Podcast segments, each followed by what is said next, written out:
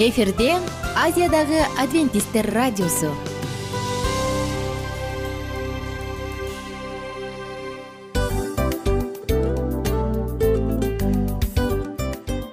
Достор салют.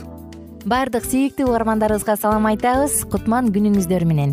Ден соолук өмүрдүн булагы демекчи саламат саамы программасында баарыңыздарды көргөнүбүзгө абдан кубанычтабыз. Анда алгач амандашып өтөлү арбаңыздар деп. Ден соолугуңуздар кандай элибизде көбүнчө ден соолук кандай дегенде эле жакшы деп жооп беребиз э? ооруп турсак дагы жакшы дейбиз. Анан мен муну айтып ойлойт элем бул абдан сонун сөз депчи анткени бул жакшы деген үмүт да э ооба баары жакшы болот. Баары сонун. Деп үмүттөнүп атып эле өзүбүздү өзүбүз дарылап коебуз. Анысы кандай? Сиздин дагы ден соолугуңуз жакшы беш деген үмүттөбүз чындыгында ден соолук бул өмүрдүн булагы деп бекеринен айтылган эмес деп ойлойм. Кыргыз элинде анткени эгерде ден соолук жок болсо анда адамдын жашоосунда калган баардык керектүү маңыздуу нерселер өзүнүн баалуулугун жоготуп коет. Ошондуктан ден соолук бул эң керектүү нерсе. Ооба туура айтасың кесиптешим чынында ден соолугуң жок бир эки үч күн ооруп калсаң эле э кандай болуп калат? Жашоодо көз каранды болуп каласың көп нерсеге жетишпей каласың көп нерсени кыла албай каласың жада калса эшикке дүкөнгө да чыга албай каласың. Туптуура анан ден соолук болсо демек биз биздин бактыбыз тоодой деп койсок болот. Анда достор саламат саамы рубрикабызды баштайлы алдыда өзүңүзгө керектүү болгон сонун кеңештерди уга аласыздар. Мына ошондуктан биз менен бирге болуңуздар. Ал эми биз болсо милан жана айнура. Кеттик алга. Алга саламат саама ден соолуктун жарчысы. Саламат саама ден соолуктун ачкычы. Күн сайын сиз үчүн мыкты кеңештер сонун жаңылыктар кызыктуу фактылар биздин рубрикада.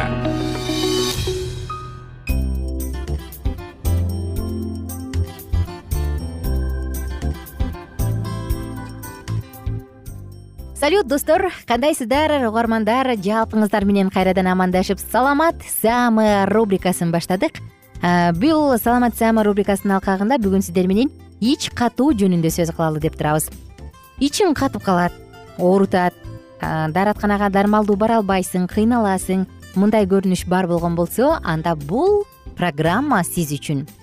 Ич катуу негизинен аз кыймылдуулук менен туура эмес тамактануудан чыгат. Ал эми өнөкөт ич катууда түрдүү ооруларга анын ичинде рак оорусуна чалдыгуу коркунучу дагы бар. Мына ошондуктан бул тууралуу кененирээк сөз кылалы ич катуу дегенде заңдардын ичегиде узакка туруп калуусун же ичегинин начар иштөөсүн түшүнөбүз. Жоон ичегиде заңдын топтолуп калуусу ичегинин чоюлуп формасын өлчөмүн жоготуусуна жеткирет. Караңызчы жоон ичегиде. Мунун айынан ички органдар кысылат жакшы иштей албай калат. Адам тамак жей бергени менен заң сыртка чыкпаса анда заңдагы уулуу заттар жоон ичегинин капталдары аркылуу канга сиңе баштайт? Анан кан аркылуу бүт денеге тарайт мындай учурда боор тери өпкө дагы чыңалып иштейт. Оор жүк боорго түшөт. Натыйжада эскирген заң иммунитетти начарлатат. Мындай уулануу организмди оор акыбалга жеткирип түрдүү оорулардын келип чыгышын шарттайт. Башкача айтканда сасык тумоодон баштап аллергия жүрөк кан тамыр тери ооруларын пайда кылып ички бездердин иштөөсүнө дагы терс таасирин тийгизет ал тургай рак оорусунун келип чыгуусу дагы толук мүмкүн. Коркунучтуу бекен албетте коркунучтуу. Ар бир адам өзүбүздүн саламаттыгыбызга кам көргүбүз келет. Ар бир адам бактылуу оорубай жашагысы келет. Бирок ич катуу деген сыяктуу нерселер биз үчүн майда сезилет дагы көңүл бурбай коюшубуз мүмкүн. Бүгүн биз коңгуроону кагабыз тырың тырың тырың деп. Анан угармандарыбыздын баардыгын тең бул нерсеге чакырабыз. Достор алдыда ич катууга каршы смузи менен бөлүшөбүз. Ага чейин дагы бир нече себептерин айта кетсек ич катуу эгер өтүшүп кетсе адам оор дем алат тилдин үстүн кебер басат бат чарчайт теринин жана чачтын өңүнү бузулат безетки чыгат теринин кургак тартышы эсептелет. Ошондой эле баш оору күчөп маанай чөгүп эс тутум начарлап жүрөктүн согушу өзгөрүп ооздо жагымсыз жыт пайда болот. Кээде көңүл айлануу кусуу зарына дагы байкалат. Ич катканда адам ыйына берип геморройго дагы чалдыгат. Караңыздарчы. Эми болсо эмне себептен ич катат ич катуунун себептери абдан көп. Мунун бирден бир себептери нервке байланыштуу факторлор. Аз кыймылдуулук туура эмес тамактануу ичегилердин сезгениши ички бездердин иштөөсүнүн бузулушу тамеки тартуу жана баңгизатын колдонуу сууну аз ичүү. Мына бул нерселер ич катууга алып келет. Нервке байланыштуу деп айттык э баардык себептерин санабадыкпы? Эми кантип кутулса болот? Албетте биз айта турган алдыда сонун сок бар аны айтабыз. Ага чейин мүнөздөп тамактанууну сунуштамакчыбыз. Өнөкөт ич катууга чалдыккандар дарыгерге кайрылып текшерилип атайын диета түздүрүп алышы керек. Тамактануу режимин сактоо зарыл. Күнүнө төрт беш жолу. Ошондой эле акшактарды колдонуу зарыл. Кыймылдуу болуш керек. Жөө басып велосипед тээп кара жумуш кылып дегендей. Дары дармектерди клизманы колдонуш керек. Бирок өз алдынча эмес врачтын кеңеши менен гана ичегилерди атайын аппараттын жардамы менен тазалатыш керек айла кетип калса. Бул колоногидротерапия деп аталат. Тамеки тартуудан жана баңгизат жана башка ушул сыяктуу баардык баардык жаман адаттардан баш тартуу зарыл. Эми бизде жакшы жаңылык бар. Ич катуудан кантип арылса болот дегенде биз сиздерге клетчатканын пайдалуу жагы деген смузини сунуштамакчыбыз? Бул смузи башка смузилердин арасынан клетчатка көп болгондугу менен айырмаланып турат. Мунун ар бир эле порциясында адамдын чоң адамдын бир суткада керектүү болгон клетчаткасынын жыйырма пайызын түзө турган алты бүтүн ондон төрт грамм клетчатка бар. Караңыздарчы болгондо дагы ал клетчатканын бир эле түрү эмес мында эритилген жана эритилбеген клетчатка бар. Биринчиси ичеги карынды жумшартат холестериндин деңгээлин төмөндөтөт а экинчиси болсо сууну кармап калат дагы адамдын заңынын көлөмүн көбөйтөт мына дал ушул функциялардын негизинде биз айта турган клетчатканын колоссалдуу пайдалуулугу деп аталган смузи ич катуудан сактайт. Эми мындай смузинин кандай касиети бар? Иче алат баягы ичти өткөрүп коет холестериндин деңгээлин төмөндөтөт азыктандырат сонун антиоксидант жана адамды тойдурат. Бул напиток с б витамининин магний калийдин жакшы булагы болгондуктан бул нерсени ичүү бизге албетте албетте пайдалуу жана витаминдүү. Эмесе достор кызык болуп калдыбы? Кызыктуу болуп турса кулак түрүп калган болсоңуз анда сизге ингредиенттерин айтып берели. Калемсап кагазды алып алыңыз же телефонуңуздун аудиосун пайдаланып жазып алсаңыз болот. Ингредиенттер үч порция үчүн ар бир порция эки жүз элүү миллилитрден. Сизге эмне керек төрт чоң кара өрүк слива деп коебуз кара өрүк. Төрт финик ичиндеги дандарын данектерин алып салыңыз. Орто өлчөмдөгү бир банан эки аш кашык майдаланган зыгырдын уругу лен деп коебуз э. Эки аш кашык үлпүк керек. Жана бир стакан апельсин ширеси. Эми лендун уругун сууга чылап коюңуз. Үч сааттан кем эмес убакыт чылаңыз лендун уругун блендерге салыңыз дагы ага сууну куюп бирдей масса пайда болгончо аралаштырыңыз. Ага кара өрүктү финик банан жана улпакты кошуп бирдей масса пайда болгончокто аралаштырыңыз. Соңунда соңунда апельсин ширешин кошуңуз дагы дагы бир сыйра жакшылап аралаштырыңыз. Болду. Сонун тамак даяр. Сиз үчүн даамдуу дагы витаминдүү дагы азыктандыруучу дагы сонун смузи даяр бул ыкманы колдонуу менен бирге достор сиздер ич катуу эмне экенин унутуп каласыздар. Дагы бир жолу айталы күн сайын ичиш керек. Дагы бир жолу ингредиенттерди кайталай кетейин. Төрт чоң кара өрүк төрт финик ичиндеги данегин алып саласыз. Бир орто өлчөмдөгү банан эки аш кашык зыгыр уругу эки аш кашык буудай улпак деп коебуз жана бир стакан апельсин. Бул нерселерди колдонуп өзүңүзгө смузи жасаңыз дагы даамдуу сонун даамынан ырахат алып ден соолугуңузга кам көрүңүз. Достор мен сиздер менен коштошом. Кийинки уктуруубузда дал ушул ич катууда дагы эмне кылса болот? Ушул жөнүндө сонун сөздү айтып беребиз сонун теманы айтып беребиз. Ага чейин биз сиздер менен коштошобуз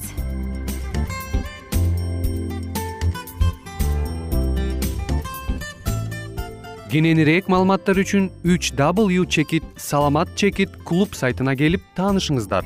Жана андан тышкары социалдык тармактарда youtube facebook жана instagram баракчаларына катталыңыз. Саламат саама ден соолуктун жарчысы. Саламат саама ден соолуктун ачкычы. Күн сайын сиз үчүн мыкты кеңештер сонун жаңылыктар кызыктуу фактылар биздин рубрикада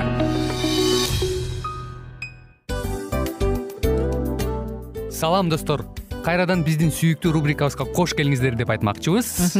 Баардык замандаштарыбызга арбаңыздар деп саламыбызды айтабыз. Улуу ушундай бир э, урматтаган учурашуу менен анан дил маек радио баракчабызга чакырабыз. Негизи дил маек биздин рубрикабызда эмне жөнүндө кеп кылабыз бул дил маектин мааниси эмнеде рубрикабыз менен кичине тааныштырып кетсеңиз. Сөзсүз түрдө тааныштыра кетейин кесиптешим суранычы боюнча бул учурда бул радио баракчада биз ар тарап кесип ээлеринен сонун кеңештерди алабыз сүйлөшөбүз сырдашабыз. Аталарыбыздын эжелерибиздин апаларыбыздын кеңештерин угабыз айтор.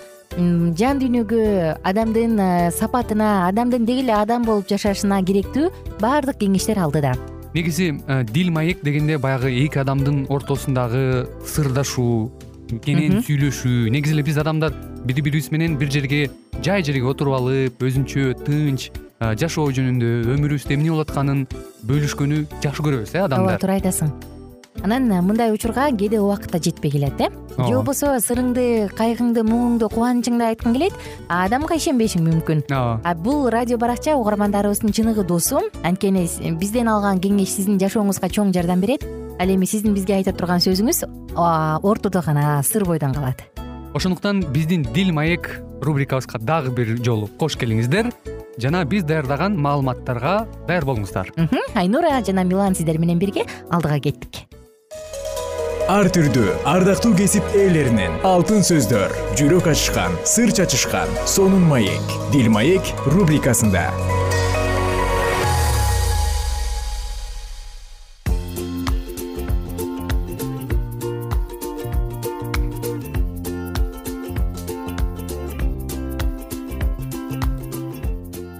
Кутман күнүңүздөр менен кадырлуу замандаштар биздин сүйүктүү угармандарыбыздын баардыгына ысык салам айтабыз. Жана сиздер менен бирге экинчи биздин дил маек уктуруубузду баштап отурабыз. Бүгүн сиздер менен аял жубай жана эне деген жакшынакай циклыбызды улантабыз. Бүгүн достор падипардын аялы жөнүндө сөз кылабыз.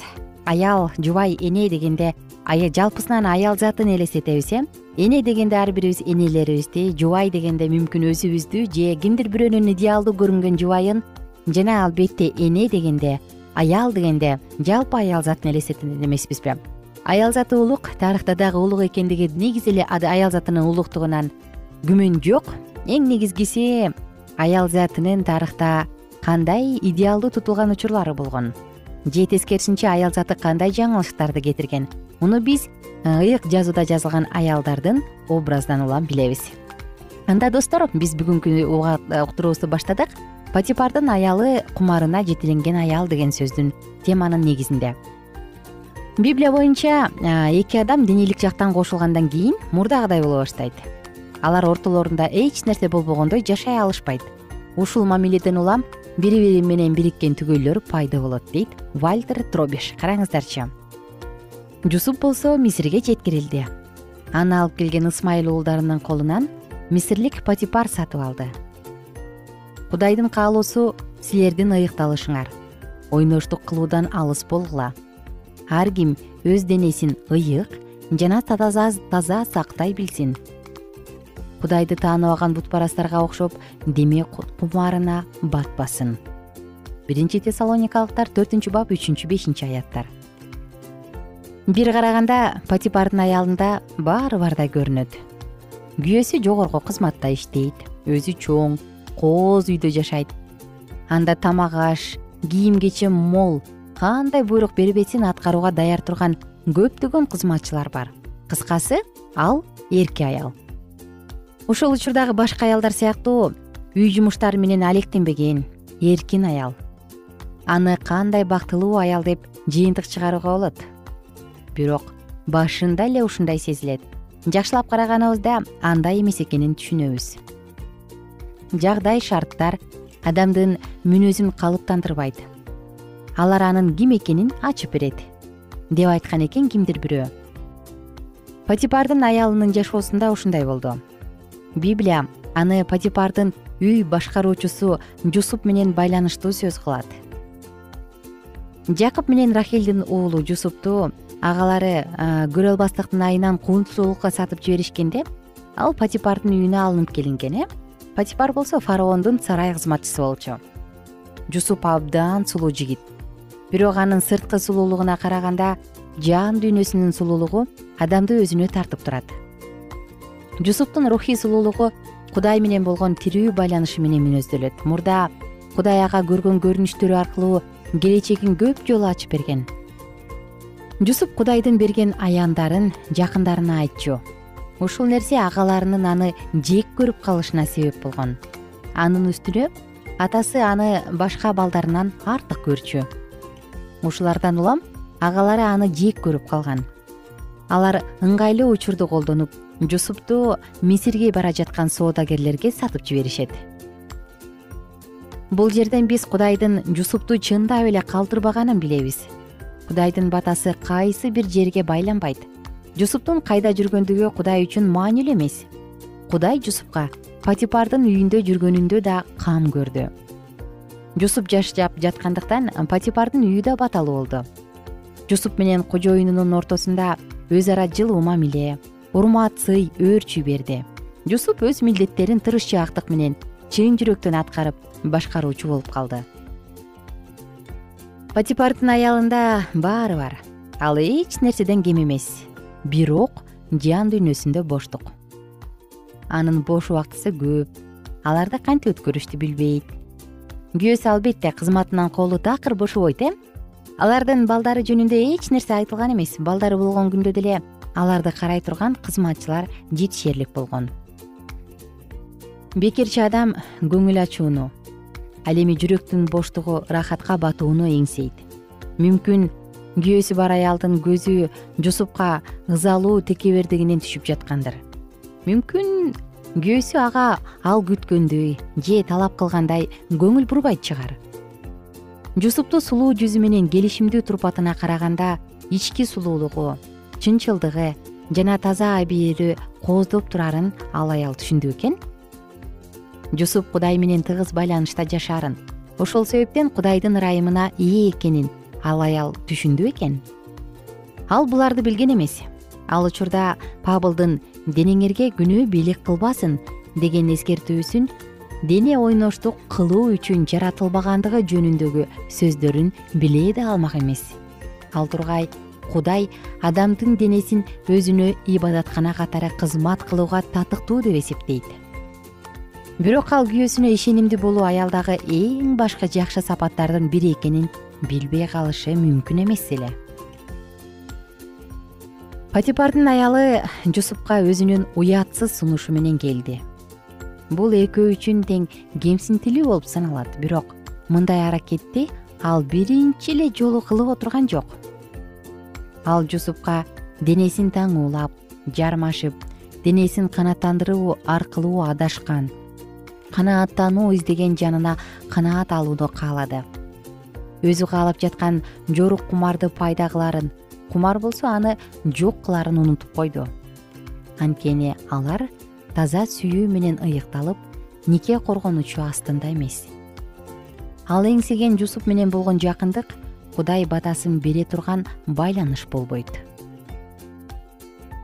Ардактуу угарман бүгүн сиздер менен бирге ыйык жазууда жазылган патипар деген аял тууралуу сөз кылдык э. Караңыздарчы патипардан дагы мен жусуптун ушундай бир эркектигине жусуптун бийик сапатына кудайдан корккондугуна абдан баа бергим келип турат. Мына патипар эми ага сунуш кылып келди жусуп кандай кылат? Кийинки уктурууда бул тууралуу улантабыз ага чейин достор сак саламатта туруңуздар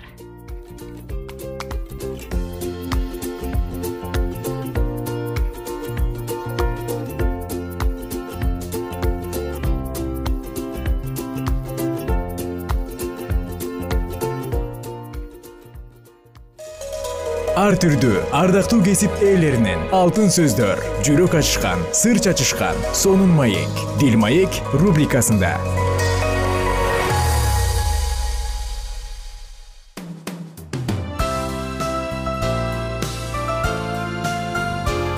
Эфирде азиядагы адвентисттер радиосу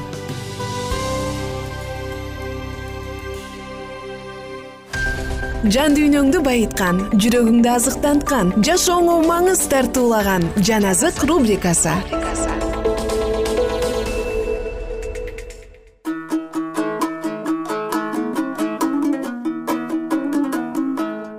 Саламатсыздарбы достор саламатсыздарбы кадырлуу замандаштар. Жан азык радио баракчасына кезек келди жана жан азыкта биз сиздер менен бирге.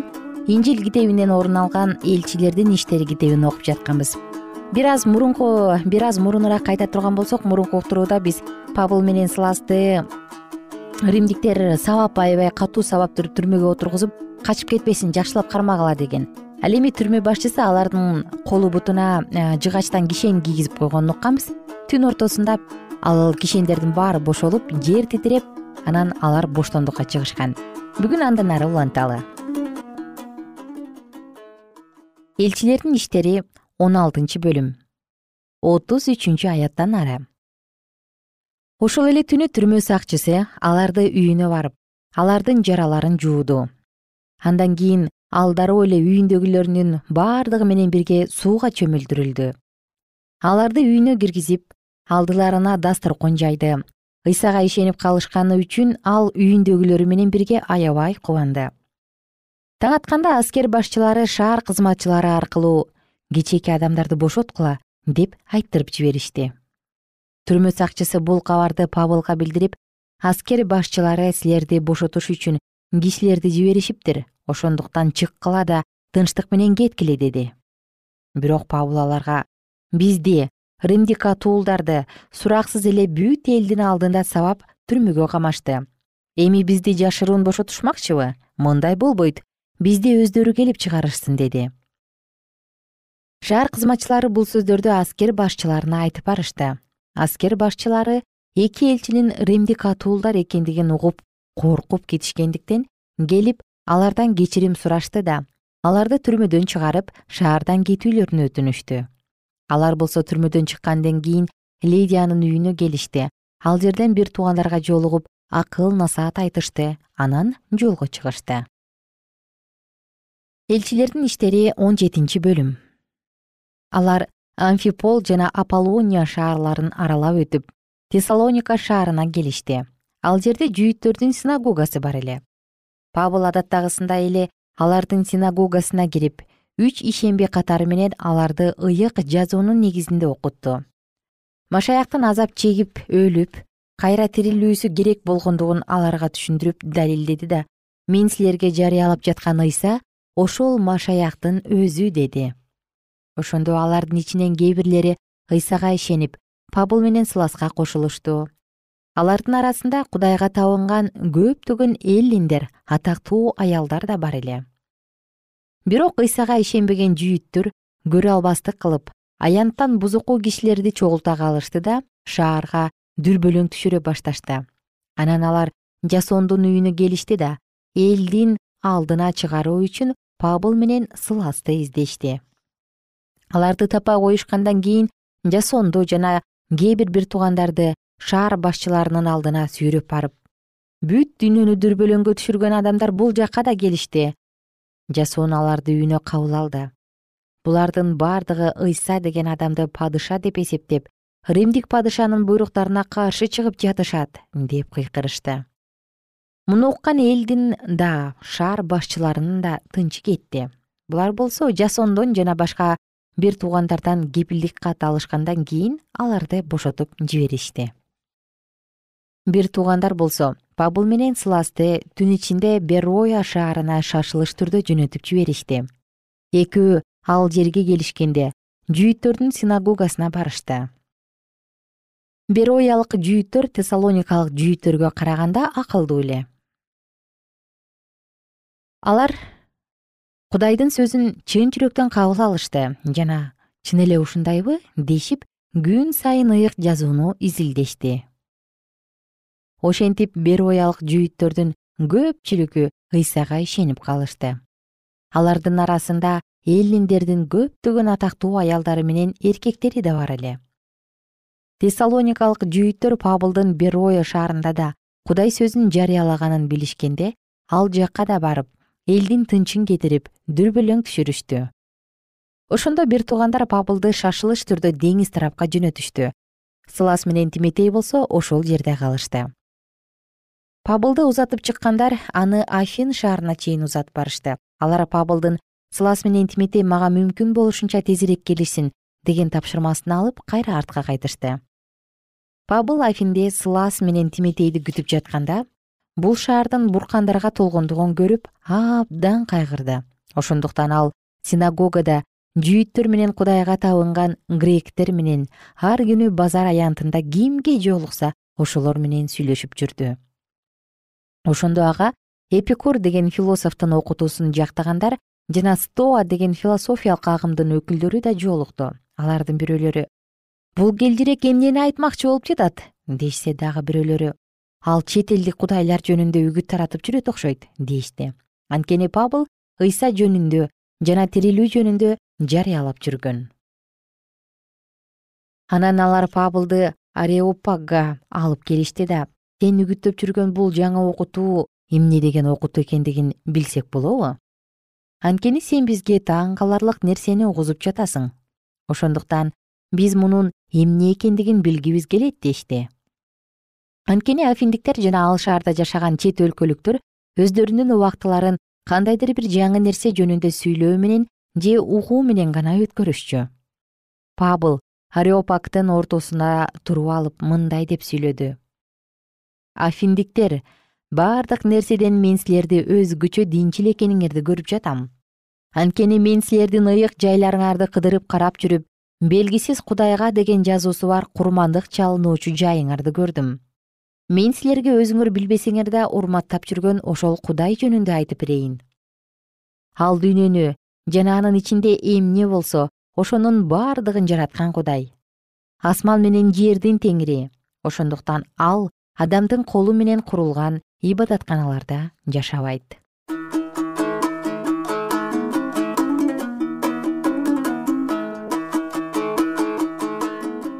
Достор пабылдын андан аркы сөзүн биз сиздер менен бирге кийинки уктурууда улантабыз. Ага чейин жалпыңыздар менен убактылуу гана коштошобуз. Кийинки уктуруудан кайрадан амандашканча достор күнүңүздөр көңүлдүү улансын маанайыңыздар беш болсун жана маанайды эч нерсе бузбасын. Кайрадан амандашканча сак саламатта туруңуздар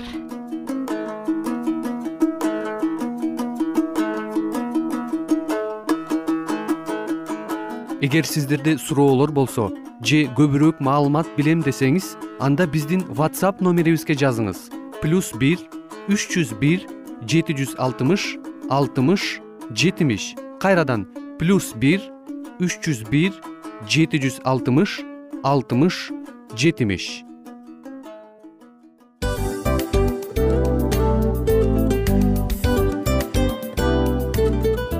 достор биздин радио баракчаларыбыз соңуна келди. Демек бул программабызды дагы жыйынтыктачу учур келдик. Учурга келдик. Анан кесиптешимден сурагым келип турат. Негизи эле иштин башталып атканы кубандырабы сени же жыйынтыгы кубандырабы?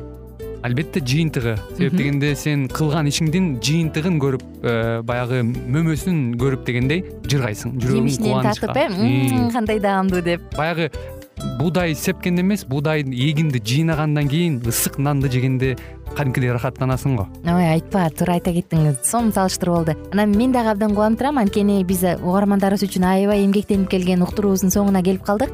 Анан эми э, уктуруубуздун соңунда угармандар кандай пайда алып калды экен деп күтүп турам да. Балким э, менин жашоомо өзгөрүү киргизе турган сонун сөздөр болду мен ушул нерсени изилдеп анан кабыл албасам ушул нерсени кылбасам деген чечим чыгарсаңыз анда биз абдан кубанычтабыз. Сөзсүз түрдө. Андыктан кийинки биздин кызыктуу уктурууларыбыздан көрүшкөнчө сак саламатта калыңыздар. Чыдамсыздык менен сиздерди мен милан жана кесиптешим айнура күтөбүз. Баардык угармандарыбызга ийгиликтүү күн каалайбыз. Качан гана болбосун уртуңуздан жылмаюу кетпесин үйүңүздө көмүр жүрөгүңүздө көңүл болсун дейли